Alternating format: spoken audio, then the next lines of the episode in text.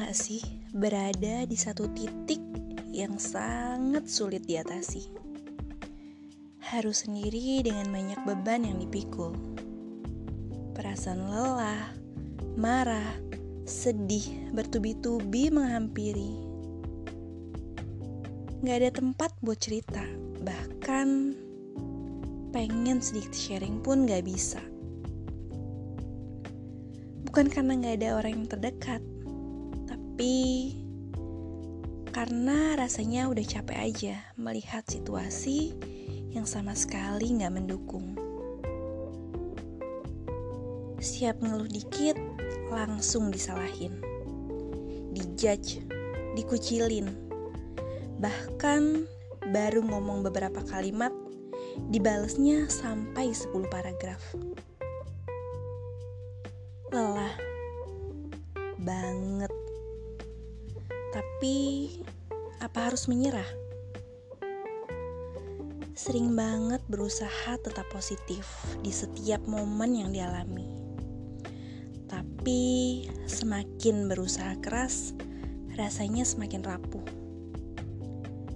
Mencoba menebar senyum setiap hari, walau hati rasanya semakin tersayat perih. Beberapa orang mengatakan, harusnya kamu gini. Kamu gak bisa ada di posisi itu. Kamu kurang belajar sih. Kamu gak pengalaman.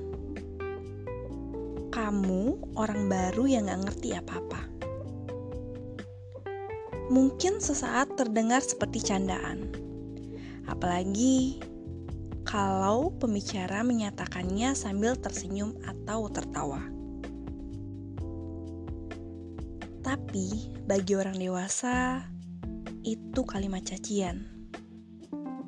Dan bahkan yang lebih parah, si pembicara menambahkan, "Jangan baper ya, ini tuh cuma bercanda." Lucu ya?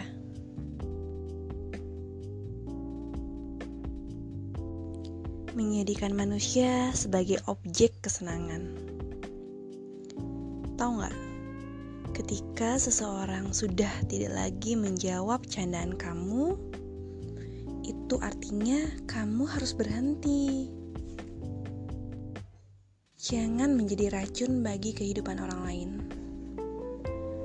Kamu berhak bahagia, dan orang lain juga punya hak yang sama.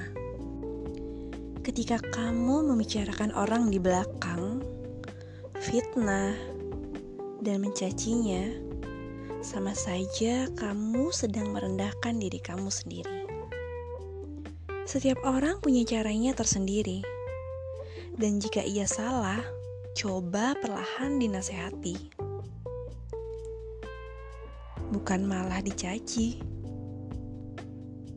Tapi yang harus kamu ingat kamu juga perlu introspeksi.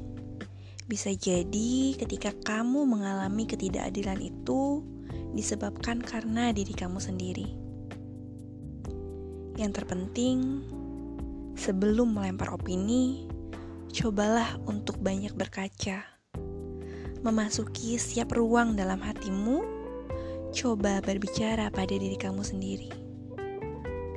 Dengan begitu, kamu akan sibuk memperbaiki diri dan berhenti menyalahkan orang lain.